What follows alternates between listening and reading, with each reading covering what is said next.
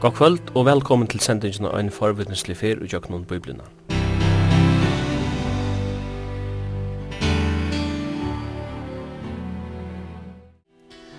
Og i studion er Simon Absalonsen, Jekon Zakariasen og teknikar er Taurer Poulsen. Vi dyrir kvöld til Markusar evangeli. Avtaimon fyra evangelien er Markus nummer 2 i røyen. Markus er eisen til stista og sikst eisen er vera til elsta av evangelien. Markus taldest ikkje mellom tar tølv apostlanar, men korsten er ikkje avhugsande at han hever veri eiavittne til faldaløv Jesus her. Han er omtala av imsastan i skriftene, og hetta gjevur okkon eisen eina mynd av personen. Verilega navn hans er var Johannes, som eisen var hans er jødiska navn, men han hei romerska tilnavnet Markus, og herfra kjemur høyti Markusar evangelii. Mår hans er at Maria. Ta Herodes let Peter apostel sete fengehus, som frasagt er i apostelsøvne 12, vær Peter fri over ur fengahusen av enkle. Og Peter fyrir bøyna lai til husene kja Maria, som vær Mår Markus. Her var det kristne samlai til bøn fyrir Peter. Markus var eisen sysnabaten Barnabas, og han var vi Paulus og Barnabas av fyrste missionsferien til Kypern og i Apostlesøvnen 13. Det var av hesefer at Markus vendte heimater medan Paulus og Barnabas hilde ferierna fram. Petur kallar Markus fyrir sin egna son, i 1. Petrus brev 5, 13. Paulus omtalar eisne Markus i fløyri av brøvun sunnum, og vi kunne si at Bibelen gjør okkur såsal enn gaua mynd av høvundanum til Markusar evangelie. Sambar kyrkjesøna var Peter sama vi Marskos i Rom. Søttene sendte Peter han av til Egyptaland, her han grunda i en samkommu i Alexandria, og søttene la i Marskos blåvittnesteian med han nere rådde fyrir borgon. Ta vi lesa hetta evangeliet, leggja vi beina vegin mersi til tan ståra løyglod som Peter apostel hever i hessen evangeliet. Og eisen sutja vi at det er fyrst og fremst versk Jesus her og i Marskos vil lysa. Prætikur fra Jesus er fåar og stuttar i Markus, men Markus vil auiva sia lesaren søgnun at alt Jesu liv og versk vær ein staur prætika. Er Jesus kongren i Matteus, så tidligst han er tænaren i Markus. Malbalkeren tja Markus er evangeliet tidligst grøtt at han er høytningar, kanska særliga ramverjar. Til dømes ver gamla testamentet nærum ikkje endurgivi og hesson evangelie. Evi var av tog at malbalken ikkje kjente til gamla testament. Vi vikjande jødiskun sion, så gjer Marskos vimersingar til sluga sier, og eisne finna vi fløyre latunsk årafettli og hesson evangelii. Og i søveligare nøytøy lyser Marskos tænaran Jesus Kristus og i sunnum daglige virkje. Kapitel 20 og ørende 45 vil ofta nøyt som likla ord til evangeliet, tja Marskos. Menneskjasåneren er ikkje komin fyrir at andre tjena sær, men sjølver at tjena og djeva løysut som løysegjald fyrir mong. Og i tøymon fyrste tutsi kapitlen sutja vi tænasina, og i tøymon søgnasa seks kapitlen sutja vi løysegjaldi, Jesu offerdeia grunnleggjande menneskelige tørver som til dem svøvner, mæter, måtte stundum vujtja, fyrir Jesus kunde gjera det som han var kommet til, nemlig at tæna mennesken. Han nevnte til spedalske og at saman med tattlaren og syndaren. God gjør det seg til øyt vi en fallnan heim, og i tjenere sønnen Jesus og Kristi.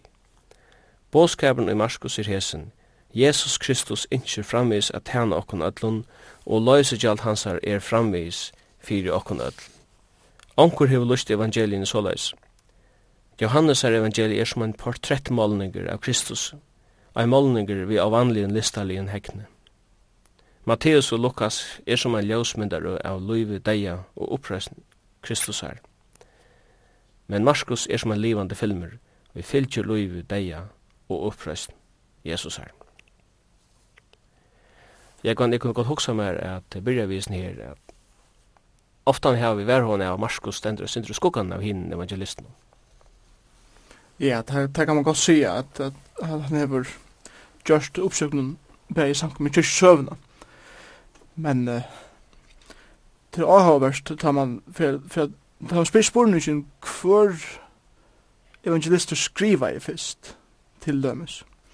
Hver vart han som fyrst skriva evangeliet. Så jeg tar vi lesa Markus og samanbera det vi hine troi og særlig hos om hinn tvei, det er Matteus og Lukas, som er til hinne bei synoptiske evangeliene.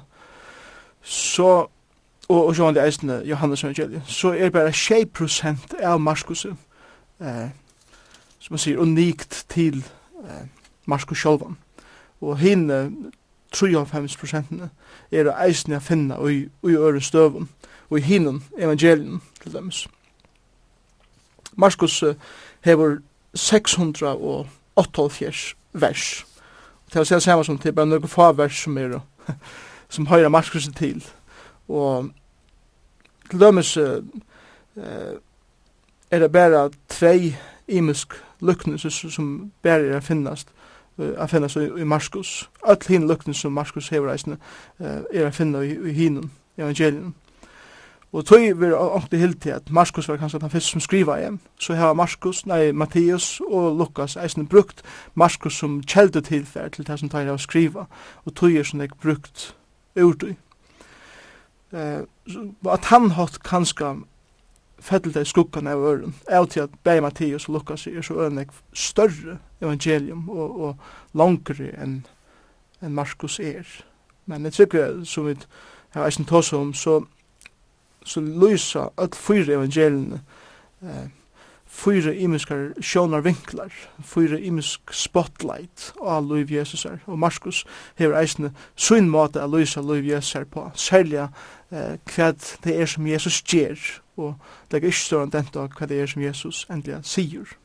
Tog at det som han gjer eh, samsvarer til det som han sier.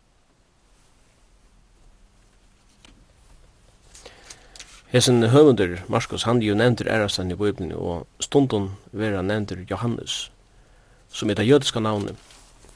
Men eh, her hever han så, eller vi kalla vanlig evangeliet for Markus evangeliet, som er det romerska navnet. Det er kanskje sier det sindre om Malbølg. Ja, det gjør det helt sikkert. Um, det var vanlig at, at med døven, at man hei tvei navn, og, og ta, ta en jøte som var en nasjonal jøte, bo allikevel, og en romersk rujtje så, så brukte han sitt jødiska navn eh, vi synne eh, tjov og synne fölkje. Men så hei han kanskje meir det formella eh, nationala navn under det romerska rujtjen som var John Damascus. Og tøy brukar eh, noe som heter bægenøvn og, og, og tøy i vid lesa Markus evangelium så vita vi at malbalkeren tja Markus var romverjar. Og tøy var det naturlig fyrir han at han brukte navnet Markus eh, tog at han yngste at kommunikera til romerskan eh, hoksnarått og eisen romersfolk og brukt til navn. Hesen gav Marskos, han telist ikkje middelen tar tal apostlanar, men han er nevntur ofta jo i Bibelen, så vi får syndra vidt om han. Ja, han, han er faktisk nevntur rattelig ofta, og, og tar man samarbeider vi andre nøvn, og, og det viser seg at Marskos var utrolig involverer i tænastene fyrir herran, sema vi nekvun av apostlen. Vi har langt nevnt Peter, at han, han var faktisk, kan man godt sia, eh, egnasteinen ikke Peter, kan man godt sia, og tar fyrir av nek saman. Og Marskos evangelium er skriva, og i ljósen trygg vi er av vittnesmur ikke Peter. Det er akkur som Peter hever tåsa om hans er loiv og erfaring som vi Jesu, og Marskos hever han som hever skriva det nyer, eh, fyrir at skriva det til romverjar. Og til er nok så avhåverst, i eh, Marskos evangelium, så, så nevner Marskos en unga mann, ta og Jesus eh, vært hitjen, og til å være krossfester. Og vi leser om det i 14. kapitlet. Han tar seg om i vers 12 trus til dem, så tar rymte til alle fra hånden, og tar flytt, og her sier han sånn til, til lærersagene, til tar 11, Judas var langt om færen.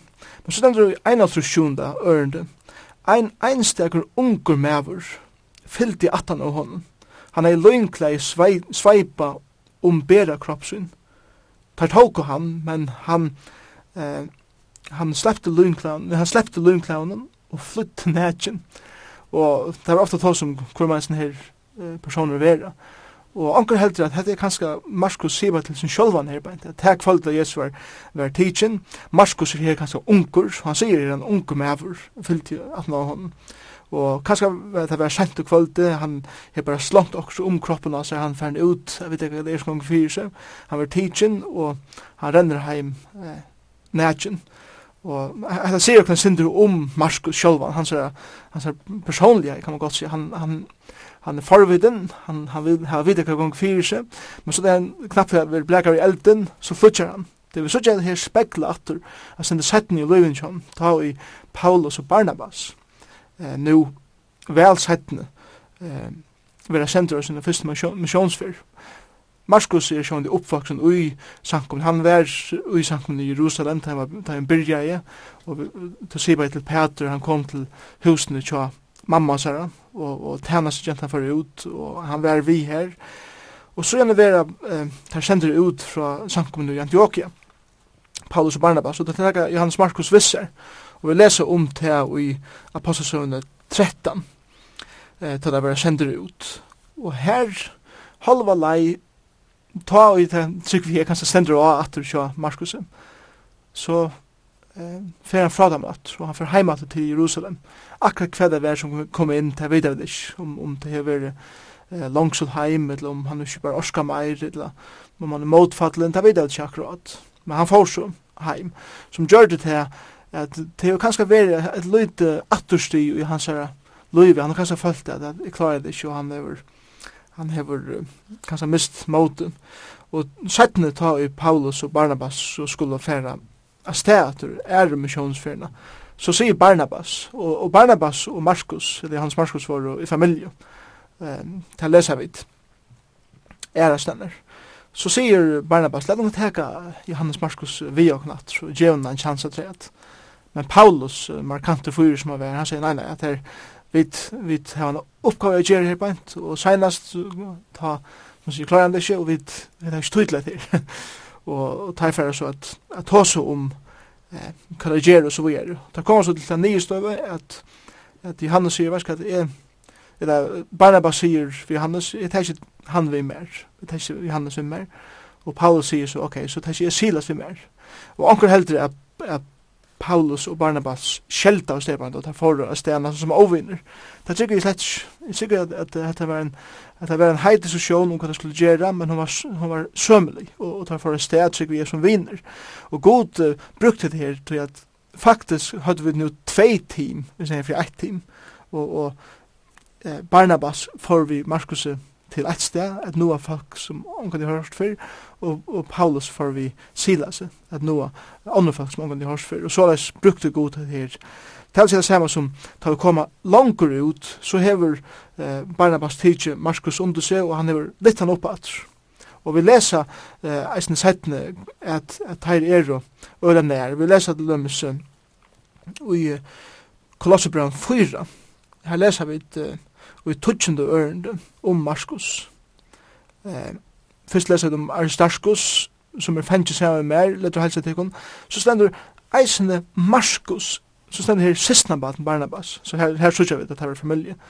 Men eisende Marskos, letter helsa, det er samme som at her er eh, Paulus og Marskos, på onkra måte kom den att tjäna herran samman at och så Paulus den skriver kolosserbrevet i fengkehus i Rom Markus är her vid og och honom i, i fengkehusen, och vi läser det samma uh, hva Paulus sier om uh, Markus och i Filemon breven og här läser uh, här läser vi uh, vi kan lese 23 ørende uh, Epafras som ser vi mer i fengkehus i Kristi Jesu lätt hälsa som honom som Markus og så nevner jeg er der, og ikke samme verk som er.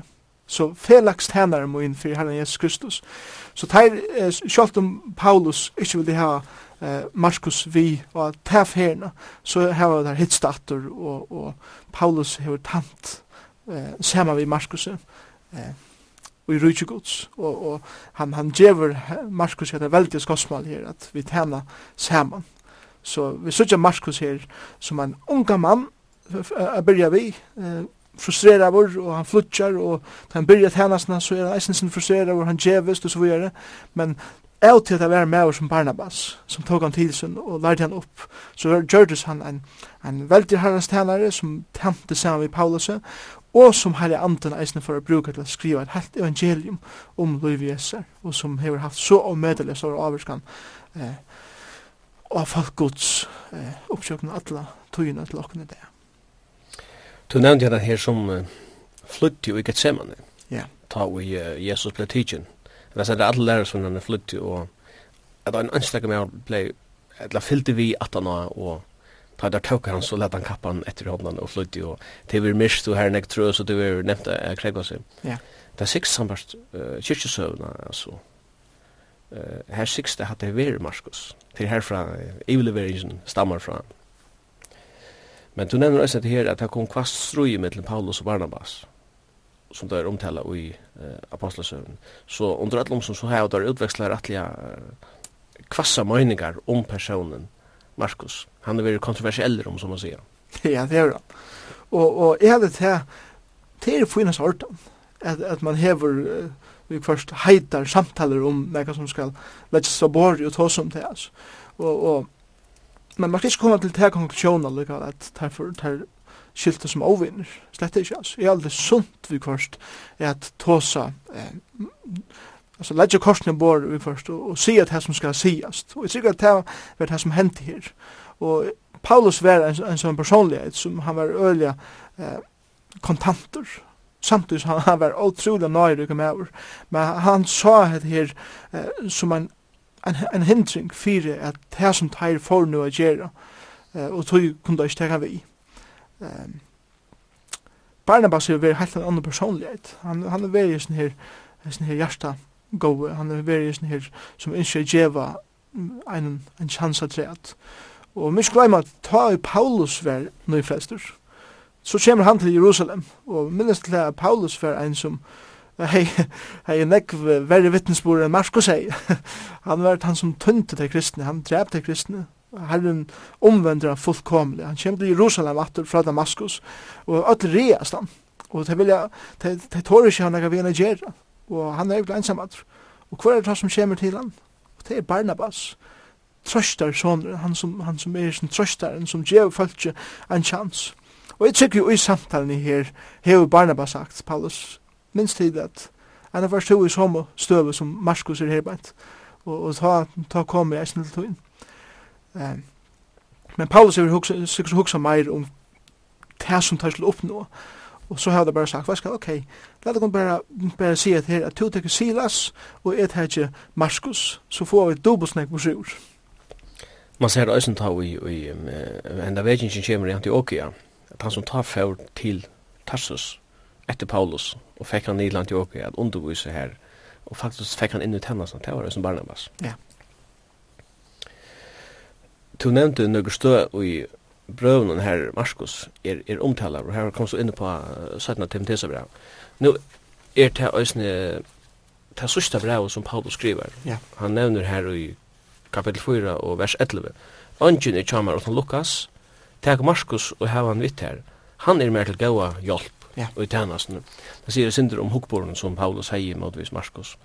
Men et annat som vi som vi vita till det Hetta brevet, detta sista brevet som Paulus skriver, hetta skriver atle sant i tøyene, og hetta skriver at han er ramme brent, og at Nero er byrja ved forfylkingene i åpne med kristne. Og som er man øyne at Markus er evangeliet skriver om som tøy. Ja, det er purrat. Um, Hvis man ser det dato av Markus, så vil jeg sagt middelen 36 og 38 etter Krist. Og vi vet at det at Rom brente i 34 og, og Nero han byrjar tøyningarna ta 35 og, og ut etter. Og Paulus eh, var dripen omlai av 8 trus. kanskje om heste 38. Og han skriver etter her stutt og han døyr. Så jeg tykker at, at, at kanskje hever eh, Marskos være vi, som vi leser her, være vi Paulusen og i fenghusen. Og kanskje, vi vet ikke akkurat, kanskje hever Peter være her ångstander, vi vet ikke eh, akkurat hva det er, men, men tradisjon sier at Peter eisen var i Rom. Og, og kanskje hever tar på omkring arbeid sammen. Eh, Markus hefur tant Paulusen, som han sier her i øren Timotheus brevet. Samtus hefur Markus eisen skriva sammen vi Peter fyrir a få etter evangeliet eh, korrekt. Og, og han hefur skriva vittnesbord Peters nyer her, som er Markus evangeliet. Ja, samt kyrkjefredarna så var uh, Markus tolkeren til Peter. Ja, Papayas uh, uh, kyrkjefredaren var han som sier det. Og, og, og til, til ekvile avløytamt.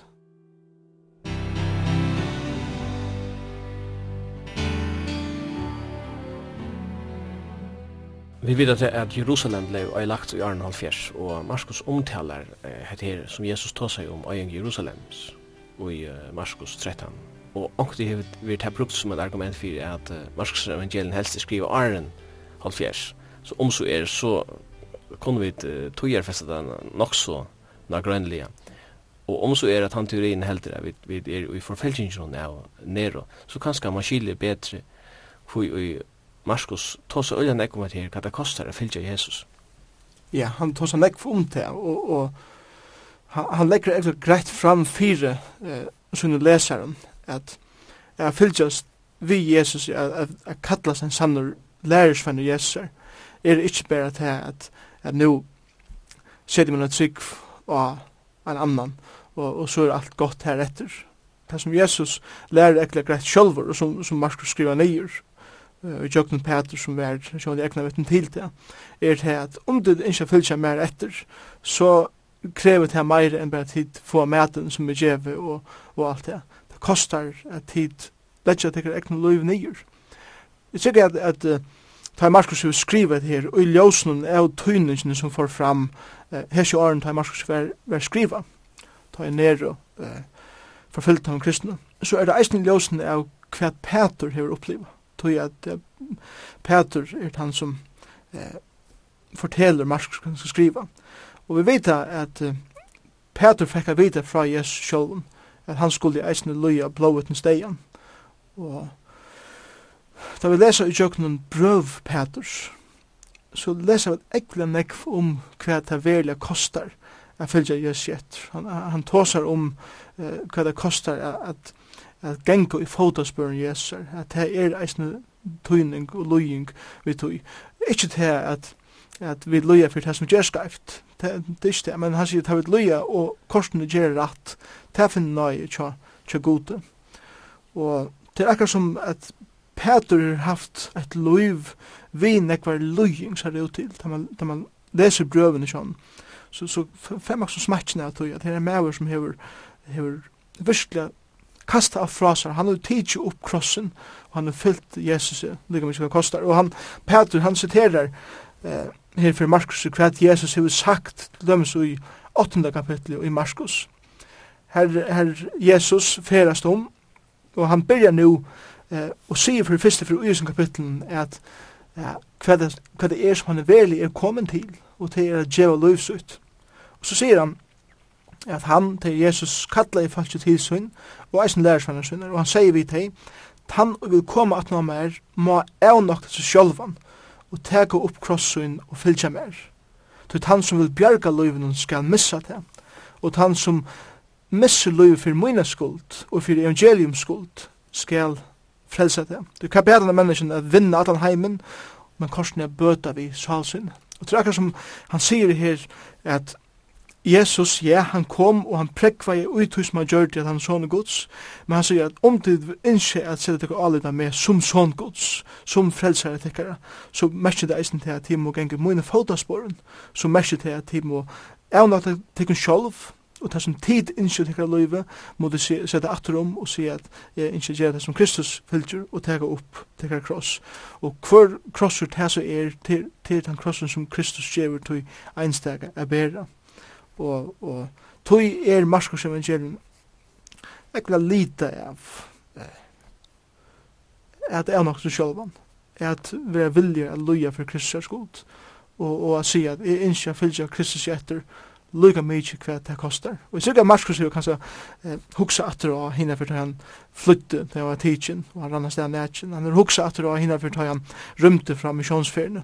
Og så nu er han blivna eldre med over, han har sagt at det som verda skal til fyrir å være en avhaldande eh, sann og kristen er at teka opp krossen, er nok så sjálvan og halda av lukka mykje hva det kostar i livet. Så, så her er som skriver nega som han sjálfur hefur kjent eh, tatten av sin livet. Man kan nesten si at det som tar skriva og definera om å være en kristen, det stender kanskje ansøkning til det som uh, det nøymøtans menneske oppfatter vi å være en kristen. ja, det er en skiva, så her, her kan man slett si at i Vesterheimen, jeg tykker at, at tog verre kristendomeren i Vesterheimen, og her er også noe nominalan kristendom, eh, Navnkristendom. Ja, altså navngivna kristendom. Så, så er det mengan ikke nek meir enn bare sosiale klubber, hver folk kommer saman, at, at hona ser, eh, som er lengt vidjen fra eh, tilværelig kristendom, som Jesus Kristus boar i. Jeg tykker at det hendte tog at kristendommen hei så utrolig avvurskan av vesterlandska civilisasjonen at alt det som hendte i Vesterheimen, bæg vi vissende utvikling eh, av, av litteratur og kunnskap, utbygging, hospitalvesen og alt det er grunda i kristendom. Men det som hendte var det at, at uh, vi mennesker tok og ærna av öllum til sjálv, sette Kristus ut til søyelinna, og tog blei det en egoistiskur, uh, sjálvrattvisur, uh, kristendommen som vi får at ombo. Og tog halde jeg at kristendommen er det, den navngivende kristendommen, eh, den deie, torre, ortodoxe eh, kristendommen, er ikke det som Kristus bo i. Og tog må vi komme atter til og si at vera en samme kristen, eh, mersi til at jeg må være viljur til at kjolta letja mitt egna loiv til Suyus og fylgja Kristus. Det mersi eisen til at kanska tørvar okkon at vera rensai. Hvordan vil man rensaur, hvordan vil gull gjørs regnar, gjøkna eld. Det er det samme som at kanskje trøndja vi til Vesterheimen at kjenna hva det er at kjenna tøyning nær at ser. Det er sankummer som veksa sjåta seg heimen i det. Er, er sankummer og er land hver kristendommen er bannaur og hver det kostar velja å være en kristen. Et lømse Kina, 30.000 folk kvann det er kommet til trygg og herren Jesus Kristus.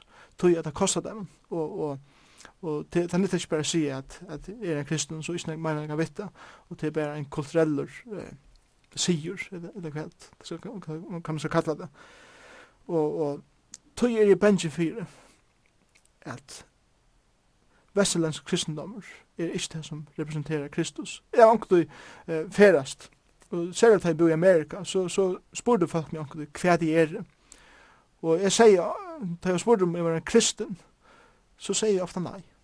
Jeg er ikke en kristen. Jeg er en etterfylgjere kristusar. Og ta åpne det samtidig, som til å si Ja, altså hva er det som munnen er for en kristen som er ettervidgjør kristus så kan man vise at, at kristen, vestlandsen kristendommer det er ikke det som Jesus Kristus boer i sjolver. At jeg nok til seg sjolvan, tega opp snekna kross og være vilje til å fære lykke i degen for kristus skuld, er ikke den sosiale, hyggelige kristendommer som er i det. Og, og her kan man så vise at munnen kan det være som Kristus omboer, og, og i motsetning til det som vi som vestlendingar, men kan seta og gjera i navnet kristendomsens. Det som jeg kjenner Vestrheim til er til dømes rationalisme, det vil si at dyrskan er fornuften, og vi har humanistiska filosofi, og så eh, hendan intellektuella arrogansen som ofta jeg kjenner eh, Vestrheim.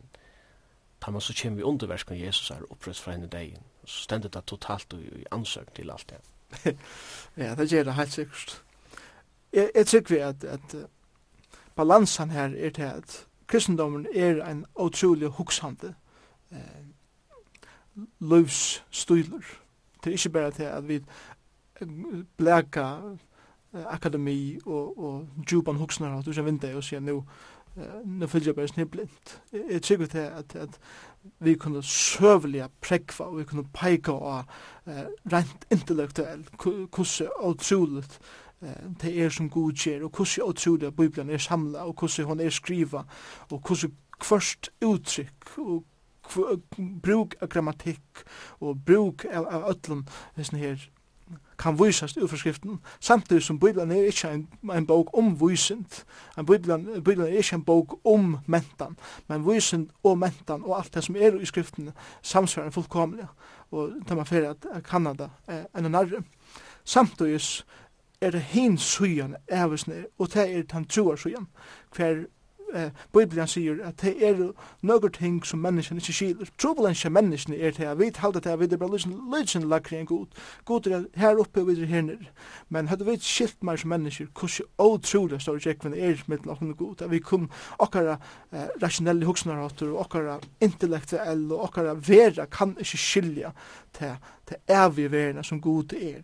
Og, og, og, og tog tog må ha det aspektet kom inn, og hva vi er ei mjuk og ærlig og sier, her er noen ting som er skilje, men god har givet meg nøye at trykva det, og, og, og at trakke ut ut her, og som tar jeg trakke ut, så er det eh, ikke åndsje under, men tar jeg trakke ut, så synes jeg at her heldur, det er heldur sadvek, og, og jeg kan kvila, og i tog, et som er avhavverst, utrolig som til det her at, at, at vesturlendingar i det, at jeg hugsa særlig om en postmodernistisk hugsnarhått som sier at ikke absolutt, som er absolutt setning i seg sjálfum, så jeg langer her i motsøk. Men eisen, jeg sier at, at vi er øyelig åpen fyrir esturlenskar i avvurskan og i vestrahemmen i det. Til er ivium til New Age og alt det som streymar vestretter, tega vid vi åpna ørmen. Men allt som eider vi kristendom og kristus at gjera, det her er horen smekka attur, og ikke her vi til gjerra, men tar vi færre attur til det opprunalige, så var Jesus ikke vesterlendigur, han var esterlendigur. og jeg tykker at det har vi om eh, bæg det som Jesus lærte, eh, vi hugsa om luknesen som Jesus lærte i sin talen, problemet til åkken er at vi kommer til TV en vestlendsen huksner at vi skiljer det seg. Men at vi lærst at huksa meg som en So så tykker jeg at menn kan ha flent til kujtjet, til som Jesus sier, til at han vær så beinrætjen, og, og han dødde så vel at, at forklare det som han ikke sier. Det er det samme som at vi må ikke glemme til at Jesus og det som han lærte, var grunda i en esterlensk huksnerhatt, men som vi på åkna måte har trusht inn i vestlandskan huksnerhatt, og tog er det området for åkna skilja at Jesus Kristus og kristendommen hever sin opprona her. Og vi gjør vel om vi røyner seg dere inn ut han hoksene råten, og, og seg dere akkara rasjonalistiske fyra, fyra kanta ja, hoksene råt til sujus.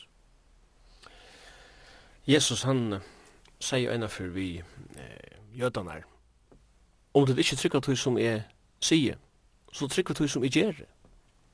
Og hatta hatta renner fram fyrir mig time og leser så som Markus evangelien. til er handlingar alla tøyna, til er action. Han legger denta til som jeg, han legger denta til som Jesus ger. Ja, det er helt sikkert.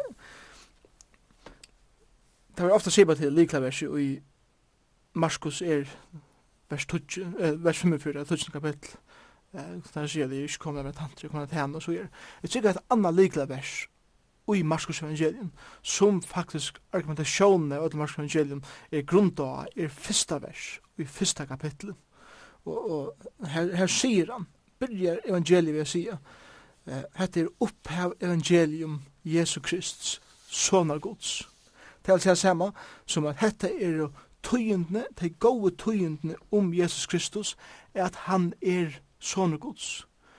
Så, så fer han, og i tar næstu 16. kapitlene er peika av og prekva fyrir okkun er at Jesus Kristus er han som han sier seg vera, det er at han sier seg vera son Guds. Så er den naturlige spurningen tja ene som leser Markus evangelium, da han leser første vers, son Guds, ok, altså, det er fint, men, men prekva det. Og så sier Markus, ok, skal prekva det. Og så får han ut av vise hvor Jesus vær. Ikke ut i enn som han sier, men ut i som han, ut som han gjør det. Og han byrjar så a vysa hva, hva det var som Jesus gjør det, og han vyser av i fjore kapittel til dem hva det lærer han å sija. Hvor er det hesen at bæje vindur og vatten er hon løyen til dem? Og Markus fyrir a vysa av at Jesus hever myndelaika som son, soner gods i, i, i lærerne som, som han lærer. Og ta lesa vi til dem i første kapittel eh, vers 21 og 22. Her leser vi at Jesus lærte, og så leser vi at han får inn i Kapernaum, og alt fri at, fri at sabbaten får han inn i synagogene og lærte. Og så stender det, og det var slien av undran av lærer hans, at han lærte eh, som ein, og i valgt hei, og ikke som en skriftlært. Så han har han har en otrolig myndelega som ungen annar hei som han. Kvoi? Tog han hei skriva, han hei skriva bøytina sjolvur, han hei skriva heimsøna sjolvur, han hei skapt han sjolvur. Det som eh, tar skriftlart til lærte var teorier som han hadde hukse om. Men Kristus lærte nekka som han visste som god sjolvur, og tog var det myndelaitje og vald uti. Vi leser eisne, og Markus viser av, han er sånne gods, tog han er vald i vår sjukun. Og, og vi leser til dem om i fyrsta kapitlet, vers 1920, at det var kommet inn i synagogene og vermaur som Peters, la sjuk vi febrius vi er. Og nekve er sånn, leser vi til at han grøtte til sjuko. Så her prekva Markus eisne at han sånne gods uthøy som han gjer ved at gjer folk frusk fra sinne sjukum. Eisne i naturen at ta Jesus eh, ligger svever baden der er vei i vattnet. Han høtte vinteren og til blikalokk. Sjålt vinteren og altene og sjekkveren og alt er hånden løyen og, og tar spyrja hvor er det hesen, og Markus sier, minst fyrsta vers, han er sånne gods, tog jeg kjolt, naturen er honom lujen. Vi leser eisen i Markus 5 til dømes, at, at Jesus hever vald iver luiv, og eisen iver, iver deia, og her hokse om døtter her, som, som var deg. Jesus fer, og han, han vetsjande opp for en deg, og han reiser deg opp til livsatter, en anna prekk fyrir at Gud er han som reiser deg upp. Jesus Kristus er tog sånne Guds. Og et anna som er avhavverst eisne, det er til at eina Gud hever myndeleikan at fyrir djeva sinter. Så her hugsa om da Jesus kom inn i Kapernaum, og huset som var og i var storma faktisk, det var smekkfullt så var det en lamne maveren som, som ligger ensam alle og vinner ikke han tekan til Jesus men det slipper ikke inn derfor på tætje, kvar holde tætje og suja nyer og Jesus tar en særlig stygt herra så sier han, sonen, eh, sindet hun er her fyrtjene. Og her var jo sånn skriftlærer og, og tar konservativ og, var her eisen og tar beina av seg, for er sånn her sier seg, eh, kunne fyrtjene sinter. Og Jesus var ikke hva der hoksa.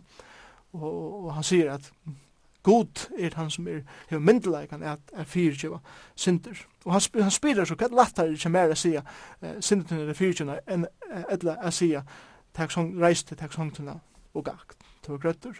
Sjåvan er det lettere å si til en synder i fyrsynet, til at det er lett å si.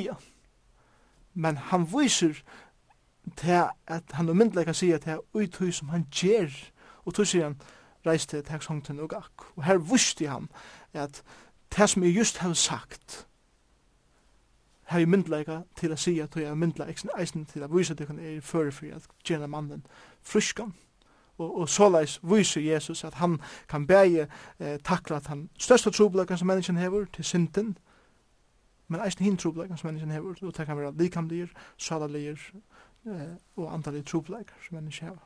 Og såleis viser Markus og jøgnum evangeliet at Jesus Kristus er sånne gods, og i hus man han gjer.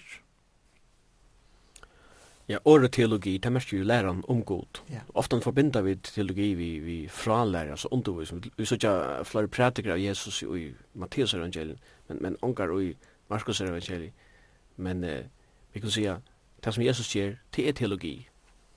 Ja, helt sikkert. Ja, var jag hade Augustin som säger att alla som här som du kommer måste predika evangeliet och om nejot som kanske är brukar ord. Og, og jeg hadde til han, og tror jeg var sannleik jo i tog, altså, at, at det som Jesus gjør, er god demonstrerar i verset. Og jeg sikker til at, at vi i det at vi tar som tilgi, så er vi så øyla teknisk, og vi fer inn i et eller annet djup og forklaring, det er viktig, det er ikke det. Og, og jeg bryr ikke tog til sjolver, men vi må ikke færa fra, eller vi må ikke skilja sundur, eh, teologi, det er hoksande teologi, og praktiska teologi. Det er mal liva saman, og Paulus skriver sånne brøv såleis. Paulus er en djupur teolog, men eisen en utrolig praktisk teolog. Til dømes eh, rombrevet, her brukar han den første eh, åtta kapitlene, og eisen 1921, den første 11 kapitlene for å vise hva det er som Gud hever gjørst, rent til logist. Men så sier han fra 12 til 16 kapittel, ok, la meg vise noen som heter virka seg, i dagligden, og i gjerendestiden, hvordan vi praktiserer eh, teoretiska, djupt djuptuksam teologi, rent praktisk, og i munnen gjerendestiden. Og, og til det som Jesus sannelig gjer her i Marskos evangelium. Og i samband med å granska en tekst, så, så har man ofte hette her, hette fina året exegesa. Ja. Yeah Ehm nu har vi tossat synder om hur Marcus vär och synder om bakgrunden av jag har nämnt det här omstunder och i ram. Eh och det väl en part av exegesen att vi skulle ena skilja evangeli. Men är det strängt tid nej ut det här va. Alltså kan en vanlig föring inte bara öppna Marcus evangelien och läsa det som det är och eller gever han den här exegesen om som man säger eh en bra sjönering. Mm Ja, det er jeg, jeg trykker, og det er ikke jeg også, det er pura greit. Jeg sier at en vanlig føringer som, som leser Bibelen av førerskunden, fer alt det på seg ur som, som heilig anden ikke han får på seg ur tog, og som er nok til å komme til trygg for Herren Jesus Kristus vi, og kunne praktisere mine, mine trygg for han i mine daglige deg. Det er omkan iva være om det. Men korsene, exegesa, det er sånn fra greskun, og det er mest at, at hala på seg ur, og, og til dømes har vi et året exit fra her, jeg fer ut ur nøkken, eller fer ut jøkken nekka. Og, og det er det samme som at ta, ta man gjør exegesen, så fer jeg til teksten og sier hva kan hva suttju i teksten her, og hva kan det dreie på seg uren. Og det er som motsetning til eiseges, eller eisegesis, eis og greskon, til å fære inn i. Og trobladingen tja, en 21. aldar menneska, er til at jeg ofte ho at lesa min 21. alder aldar hugsnarhatt inn i eh, til dem sier Marskos, han er fyrst, altså fyrsta alder eh, dokumentet. Og, og tog må lære å gjøre exegese, men vi gjør ikke sikkert vi flest folk gjør exegese rent automatisk til at vi er opplært til å gjøre i skolan og så videre. Ta vi lese okkara skaldsøver i føreskum til dømes, ta vi lese hei en bro og, og ærer. Så, så gjør det rent automatisk, jeg vil hukse om, og vi ser okkar inn i støvene, hvordan våre ta av døven i, i fyrjun, og så videre, hvordan tar hukse og så videre, og så tar vi lese det, så gjør det rent automatisk. det, Vi gjør det samme tar vi eh, lese Bibelna, og vi gjør det samme tar vi lese dimmene, og, og, og hva det skal være, rent automatisk. Ja, til, til dømes ta og i Uh eh, Markus omtalar jødiskar sier, så, så kommenterar han det. Det gjør han ikke i Matteus. Og Markus citerar han i gamla testament, det er Matteus nekve av. Eh, man kan säga att tar tar ju själva ut ju göra exegese för läsarna eller vad? Ja, är må där. Eh Jag hade det det så område jag skulle Matteus skriva till jötar. Tog hever han någon grund till att förklara eh för jöten för jötar jötar säger är till dem. Men Markus skriver til romverjer, som, som uh, byggva lengt fra uh, Jerusalem, og Judea og Gal Galilea og alt det området her. Og, og tar kjenne ikke til de jødiske syner og tar hoksanaråttene som jødene heva. Tøy må Markus aksen bruka en liten løte av å uh, eh, å hva, hva, hva er det som hender her, bænt, og gjør en liten forklaring. Da må gjøre et døme. Uh, og i Markus 6, her, her leser vi om farsierne, og vi leser om der skriftlærte, og det som farsierne og der skriftlærte gjør det for en ramver, han er ikke annars for hva det er for nek. Og, og tog bruker han en lytla løte at, at forklare. Og han sier, han gjør et døme her, at vi leser første verset, farsierne og nekker av henne skriftlærte, eh, som har kommet til Jerusalem savnet om han, til Jesus. Da finner da suttja nekker av lærer som han sier, eta vi vannheileven, det er avvaskaven hånden. Så langt her gjør han en åra forklaring, som eisen her vi exegesia gjør. Så får han forklare i tredje verset. Så sier jeg som vi rammer, men lukka forklare det om hver ikke farseren er, og hva det er som det gjør, og så videre. Så sier han, tog farseren er og alle jøter eter ikke, og de først vaska seg om hendene, bei vel og vilje. Og tog tar halda fast vi vidtøk og henne gamle, Så her sier vi, ok, det her halda seg til nekka tradisjoner, så vi er. Og det kommer romer eisen identifisere seg vi til at det her høyde eisen syna romerske tradisjoner fra gamle tøyen. Så sender jeg, la meg forklare løsen til vujer eisen hva det andre kan gjøre. Så sier han, ta da koma til dem saman av torgjen, så er det heldig ikke fyrir enn det her vaska seg.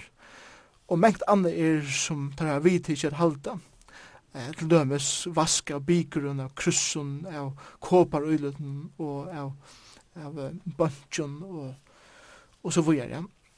Og akkurat her gjør en forklaring for at underbygge det som nå for at hente, og det som Jesus for å si imot dem, og så videre.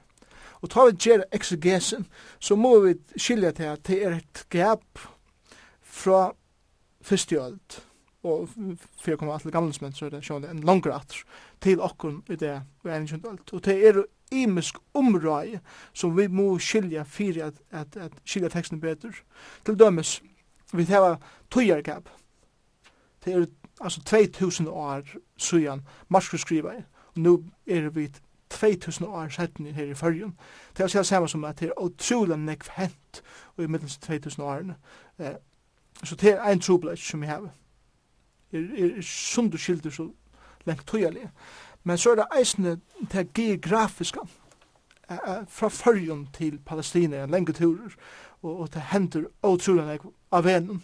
Og tog skiljer ikkje til geografien og, og landsleie her, og hvordan alt var oppbyggt og så videre. Og, og tog meg eisne selv om nøyt her, for jeg skilja bedre, ta Jesus ferest. Vi må bare ta døme, ta i uh, feremæren, jøten for fra Jerusalem, og man til Jericho og det er åman, så jeg men altså, eh, hva vil det sige? Og ta vidda vid, rent geografisk at Jerusalem ligger på en fjallen, og Jericho ligger nere i Jordan-dalen, så tog var det åman til Jericho, og vi vet eisne rent geografisk at han var avlåpen, og, og han var ekkelig oi og så videre, og ta, ta man skilt her bedre, ta man dora suttja hvordan det ser ut i det og så videre. Så det er et anna gap, et anna gap, gav som det var til ta målslige. Ta målslige til grekst mål som vil eh, skriva av her beint. Det er ikke det greska målet som vil tale i det, så om det lyst i øyne så er det køyne grekst, som er gammalt grekst. Det er det samme som det greska mål, eh, det er året forra i det er sånn ekstørre enn det vært ha. Og så videre. Og jeg må skilja jeg sindre av, gram, av grammatikk her beint fyrir at jeg skilja bedre hva det er som man sier. Jeg husker akkurat om det eh, og Johan, han gjør denne åra forklaring, vi vann heileven hånden, var et uttrykk som han gjør til beina hei skilt, og så måtte han lukka forklara hva det meinast, vi ovaska han hånd, til. Og et anna som vi kunne vist av, til eisen det at tar, tar vaskar om hendene, eller tar, tar et ikke uten det fyrst, fyrst vaskar seg om hendene, bei vel og vilja, og bei vel og vilja herbant, at det greska meinas vi, at tar vaskar seg hendene helt opp av økslene. Økl hånden var vaska. Det er en kjeminisen derfor i kjøkken. Men det er sånn at det ikke uh, ut i føreske omsetningene, men det er sånn at det ut i greske, tog jeg året som vi brukt her, er brukt at han hatten. Så vi tar at her gap her eisen, det er målslige. Men så har vi det eisen, det er mentnalige og, og, og, og, og silige, eller sier, som skulle til, som det var vust av bant her at når jeg sier og menta må så jeg sier bare fyrir at leseren som leseren kan skilja det betur, og eisen til rent teologiska gapet som vi heva. Ta vi lesa eh, teologi i det, til dem, ta vi lesa om det som Jesus gjør til her bant og så videre. Og i ene kjønne alt, så vet jeg vi søvna som hendte i 18 år, alt det her som var skriva. Men det visste leseren her ikke. Leseren her visste ikke alt det som var hendt oppsøkten sankum i kyrkje søvna. Tog jeg har vidt det, så tror jeg nekva nekk meira vitan om det som Gud hever gjørst tjokken tøyina, enn leser han her hei. Og det må vi eisen hukse om. Og, og da vi leser til dem apostelsøvna, så er det nek som virkar mersel til lokust, for åkne det, men for tei ta, var det ikke mersel til at han spiller noe arbeid som Gud byrje å gjøre, som, tei, som for tei var spiller noe, og som tei altså ikke kunne skilja beina vei. Så, så det er ødelse gapen her, og tog er det exegesa er områand, og at vi hava folk som doa, at at hala på seg ur teksten og se det sin ui alt det her fire at greia øren fra så at hei eisne kunne skilja denne bedre Og tog er det området at heva lærare, bibellærare og i okkara samkommende det som kunne kasta ljós og det imiska. Og Jakob sier, du skulle ikke mennesker til å være lærare til tid hava en veldig stor arbeid og tid for å være dømter etter tusen tid lærare.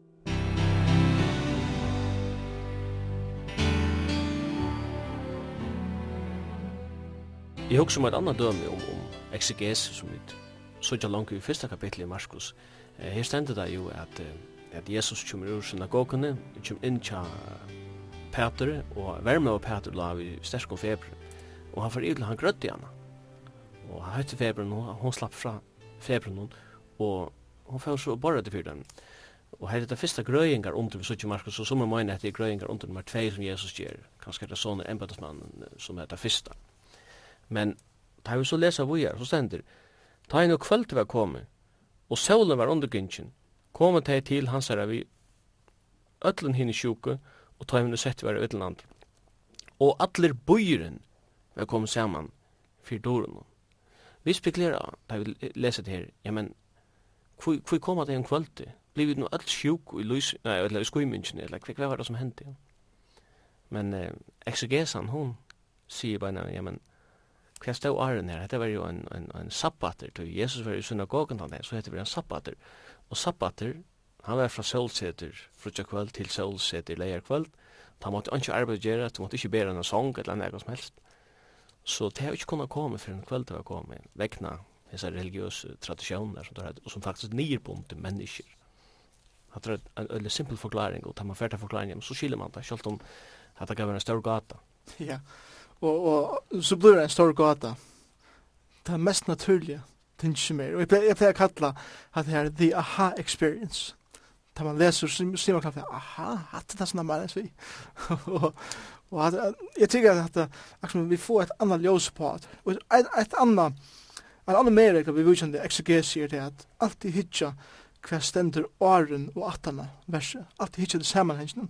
Det var så bare å lese det verset at det kom til han kvaltanar og så videre, og han grøtte det. Så hoksa det snakk om det. Men hvis du leser åren som du sier bare i tidleisene, at han får om morgen inn i synagogen og læra, så sier det at du kan lære sin du bare ekskuer seg, åja, det var sabbat. Og så kommer han til forklaringen som du jo sier her, helt naturlig. Han sier enda at tegn kvöldu var kom og solen var undertingen, yeah. så nu er sabbaten færd. Ja, det er. Nu kom det gjør allt det her. Ja.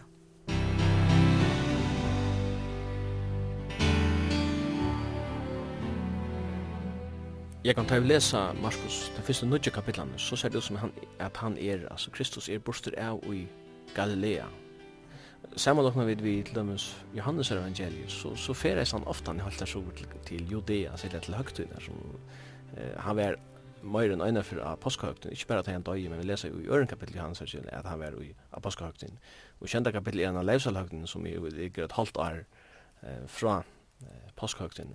Så det er en, en pendling fram i mittelen eh, Galilea og sur til Judea. Men i Markus evangeliet, her er Jesus nær sagt stasjonerer i Galilea, lykka ut til vi i kapittel. Og til nu ikke visst at alt det som vi skriver i Markus er kronologiskt. Jeg kunne huske meg spørs, hvordan bøyder vi evangeliet opp? Ja. Jeg, jeg hadde det området, jeg synes, at jeg minnes til at enda endamålet tja Markus er å skrive eh, vær først og fremst å vise hvor Jesus er, og jeg synes, hvor han kom, og så gjerne hvordan man, så, eller hvordan leserne så kunne komme inn i samfunnet vi han. Og han valgte så å gjøre det her, for vi har vise hva det er som Jesus gjør det oppe i Galilea. Mm akkurat hvor av valgte, det, det vet jeg ikke. Men vi minnes til det at det Anden som har inspireret Markus er at skriva. Og, og han er in, Heilige Anden har innblåst til året som han yngste skulle skrivast. Og det er akkurat som han bryter av knapplig her, og i nødvendig kapittel, sørste øren nærmest, og, og byrja så ferast mot Jerusalem, som var endelig steg som eh, han kom. Og ta, ta, i han sier, i fyrsta ørende at opphav evangelium Jesus Krist, Sona Guds. Så det er man viser av at det innebærer eisen en affær. Han er vera eh, nu bors fra stenen som han kom til, men evangelium er god tøyende, og det gode tøyende er til at han setter sitt, mål, sitt stavn, i måter Golgata, og han er her norge Galilea rent geografiskt, og nu byrjar han spekler at ferast mot malen, kan man kan sige færa sur etter. Han kommer til Judea, kommer inn i Jerusalem, og han kommer nærre og nærre, og bogen enda vi at han kommer ut av Golgata, vi er jærlagter og reiser for en dag. Så, så her så vi det akkurat som eh, en struktur i Marskos evangelium, rent geografisk. Men tar jeg bøyde bogen opp, så så er nok så løtt å bøyde opp av til at Marskos er det største evangeliet. Og tog tøyren kanskje lagt seg ukraina eisene. Men uh, jeg kallar fyrst i iverskriften at Jesus prekva seg som sånn gods. Og det gjør han så i den første åtta kapitlen fra vers 1-1 til 8-20. Og for det første, i første kapitlet fra vers 1 til 3 kapitlet vers 6, 6 her, her, her viser Jesus eh, Markus viser at Jesus kommer Jesus viser hva han er og eisne at han vil vrekaver av jøden, til særlig at her religiøse jøden jødene, farsierne og skriftlarer, det vil ønske vi han agera. Og, og han viser hvordan er særlig, som vi visste av uh, Johanne, og i lærerne, at han har makt valgt over sjukken, at han har valgt over naturen, at han har valgt over deia, uh, og eisne han har valgt over fyrir og sinter. Alt det her lust i hans kapitlen. Og, og så gjerne, og i 3 kapittel vers 6 og helt ut til 8 kapittel vers 22, Her, her saunar Jesus folk saman fyrir at oppenbera eh, hver han er og eisne hva han kommer a gjera. Så vi lesa avhåverst i jøgnen evangeliene eller jøgnen evangeliet av Marskos er til at vi lesa øyelig ofta at folk streima i til hans her. Og, og det var Markus Aksson viser også at Jesus hei alltid nek folk rundt om seg. Han fikk omgang frinast, han fyrir folk som streima i tilan er vera grøtt og, og få med og, og, og få at hei som hei yngstu og så videre. Men så tar vi koma ut til 8. kapittel, vers 30, og så ta, ta kom til ære i beskrift. Og her, det henne kallir jeg fyrir at tæna seg Jesus og tøtningen er å være lærersvein hans er. Og ta byrja Jesus a sia at det er godt at jeg fylgja mer, det er godt at jeg koma til munni, vi gjerne oppa til hun, men vil det velja fylgja mer etter, så kostar det nek. Og det er det som han gjer i, i 8. kapitlet, vers 30, her leser vi, eh, han alle tar med strengtlige, ikkje leta jeg sier noen om seg. Men så leser vi det ene nørt, så får han å lære at her, at menneskesåneren skulle loja nekv og vera vreka vera henne eldstå og høvespresten og henne skreftlart. Og så er det her, og vera dripen og rysa opp at det tria degen. Hatt det hatta aldri vært nevnt fyrr og i mars evangelium. Og, og knappt det nú er, er lærsvannar og þess fylgjen pura sjokkera i. Altså, jeg kommer til her at, at fast til vrekad. Ja, men hikkert at folk som, som flokkas om det her, altså, dette, dette samsvarer ikke. Og så sier han at, at, at han skal være dripen det, det var fullkomlig av syne. Ja, han er jo den, den messias som skulle komme sitt egen fri. Og så sier han eisen han skal røyse opp alt der, trudger det setten, og tar, tar fæta og ønskje av oss ned. Pura ønskje. Peter, han legger i vei, og, og teker han bort fra kjolt, og sier at Jesus kan skia det her. Og Jesus sier, Satan, vik fra meg, til at du var ikke hva du tåsar om. Og, og ut fra hesten her, kan man godt sia, og i hoa heimen, og Jesus og Markus, byrja Jesus her, sett sinne stevni mot Jerusalem, sjálf om det ikke hender for en faktisk i tutsne kapitlet, eller syste ørende i nutsne kapitlet, renke grafist, men hoaheimen her, eh, byrja det her, og jeg er helt. Så, fra 8, 8. kapitel vers 31 til 12. kapitel vers 52, her omberer Jesus for lærersvunnen, sånn at han må loja, og man dodja, men eisne at her må loja samme vi hon, at tisle genga som lei som er, om til det er sanner munns. Og så fra 11. kapittel vers 1 til sista ørende, til 20. ørende, 16. kapittel. Her stevner Jesus mot Jerusalem. Han dør, han oppfyller atlan gods vi kommer søgne til gode tøyntene, og han reiser opp for henne deg. Og så leis bøyde i Marskos evangelium opp. Vi har nevnt likle år i Marskos, heter her at han kom, altså Jesus, fyrir at uh, tjena og at djeva løse som løse ikke alt. Hvis vi nu får ta som heter her løyser ikke alt så sykja vi det at uh, det sørste kapitlet i Markus tar handla faktisk om det som hendte i Jerusalem da Jesus uh, ble tidsen og ble dømter og døye gravlagter og røys opphatter.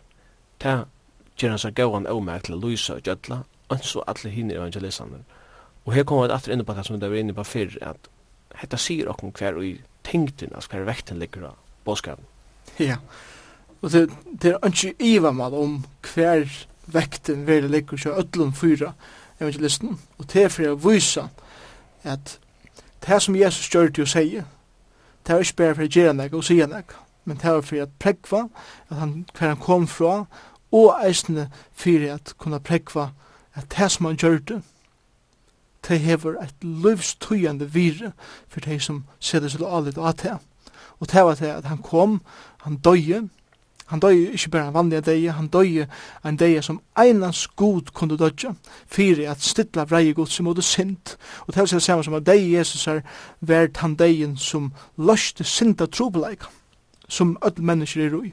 Og da tar Marskos skriva til romverger, så sier han til at, at jeg har, upp, jeg har byggt opp til at her som nu kommer til, og i settene heltene av evangelien kommer, at tid må eisne komme til en personlig avgjør, at om tid tryggvisen her, at Jesus døy av krossen, at han, han, at han sier at, at er kommet at gjøre lummet til løyse gjalt. Og det som han peikar av her, er til, han sier til romverger, og han sier vi okkom det, her andre sier okkom det, til føringar, tid trøntja til at onkur eisne kjemur og løyse dykken. Og det kostar. Og Kristus hever goldet det som det kostar, da han døy av krossen for okkom. Og og, og løysesjaldi her, her er mynden her er det ein er bunden, ein er, ein er rantur og, og, og han, han er fastur, han er fastsetter, det er ord som ofte var brukt av, av trælamarslein til dømes, træler var, var til søl, og ein så kom han herre og kjøpte trælen, og onkel var det gåur herre, kjøpte træler for at, for at tjena seg fryr og fralser, Jesus sier her bant at er kommet at kjeipa dikken leis. Og det kostar mer mot ekna liv, mot ekna blå, som skal rensa dikken og sela dikken fri eh, og frals ur treldom og syndaren der, som er bunden, eller som hever bunden dikken. Og, og til det er født innan heim, syndafull, ætskild fra gode, og til dere bøtt myrskursins, til det er vem og den er fortapels, men jeg hever løsnene på det, og det er til at jeg dødje sjolver, fire at de kunne være bjerga fra min egne vrei. det er det fantastiske tanke, at, at uh, da man tåsar om frelsene, hva er det frelsen? Er det frelsa fra helvete? Ja, det er det. Er det frelsa fra satan? Ja, det er det. Men jeg tykker det er veldig utøyer til at jeg er frelstur fra gode. er det frelstur fra vrei gods. Til at vrei gods er åpenbæra i alt året for vi ser her jeg gjør. Hvor er det han som kan frelse meg fra gode? til god. Ongen andre kan frelse meg fra god, utan god sjolver. Og tog sier han at jeg skal eh, løysa trobelegan sjolver som tid er ui, som tid altså ikke kunne løysa. Og god sjolver ui holde, lese negla opp av krossen. Og her var vrei gods til frestidla. Og, og god sier her at de som så seta sitt alet av min son Jesus Kristus, de så som han, og de var rettforskjørt og det var kjeft leis og kjøkken Jesus Kristus. Og det er det som Jesus gjørte, den dagen i Golgata.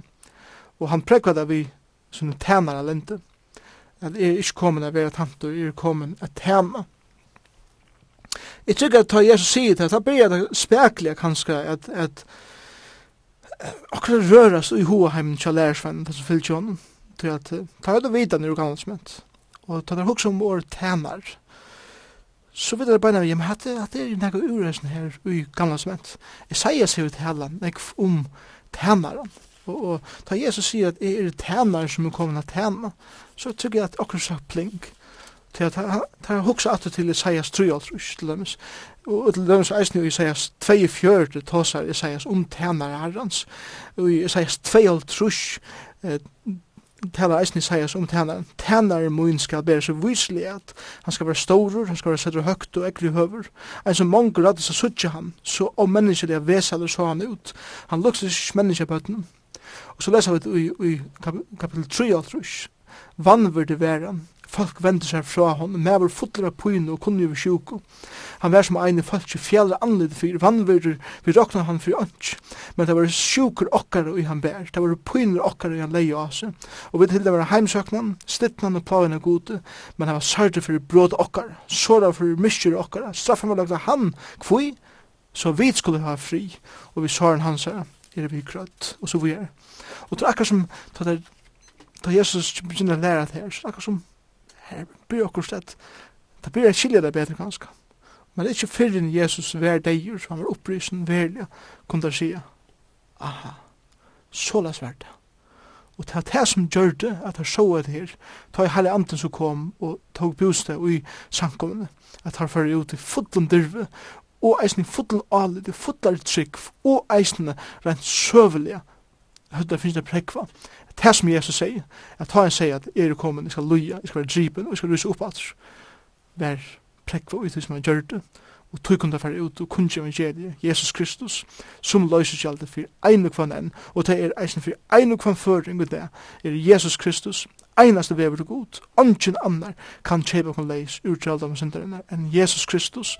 Og tog må vi seta alit av ham og sier herre kom to inn i mitt liv. Fyr kjemmer sin minna sind. Jeg ser mitt alit av det til eina to kan frelsa meg. Kom inn. Og så kjemmer herren inn og kjeiper ein syndara leisa. Vi sinne blå.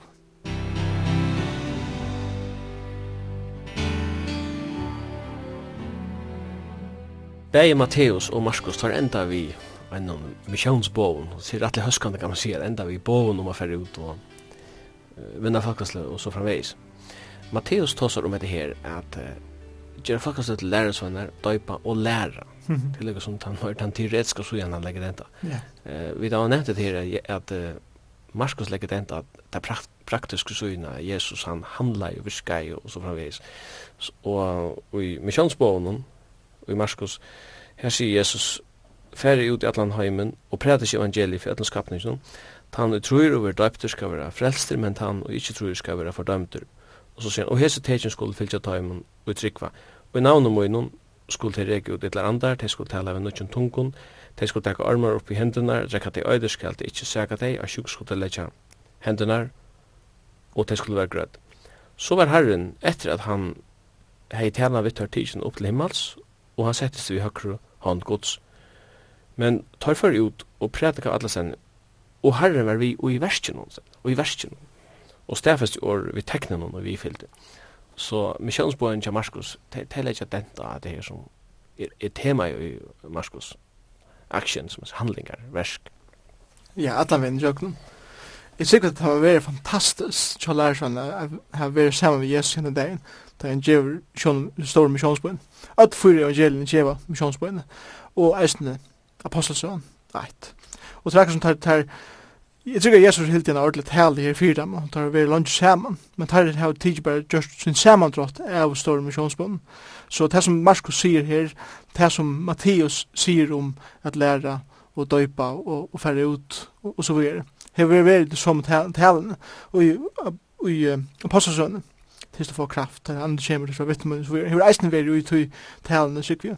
Så, så østutla suttja, hvordan tar tag seg talene, men viser imenska spektre av henne, fyrir at, at uh, bytja av grunderna som tar tarra båskaper er bygder av, og som du sier her, bant, eh, Markus har vist alla vegin i jøkken og at det som Jesus gjer, og han er prekva hver han er at han sånne gos ut som han gjer, og, og nå kommer Jesus og sier vi til at til til gjerne nekka eisne, til til få kraft, til til gjerne nekka avvist, handle, og jeg skal være vitt tøkken her eisne. Tjøkken handlingarnar, tjøkken til han som, som han nevner her bænt. Eh. Og, og, og det skal inkludera predikene, og jeg skal være vi i versen. Jesus uh, sier i Mattias 28, jeg skal være vitt tøkken lukka til enda tøyren og sånt. Jeg tykker det er det samme som han sier, jeg skal være vitt men han legger så at og denta i versen eh, som det gjør, og i teknen, og i fylgja vi tog.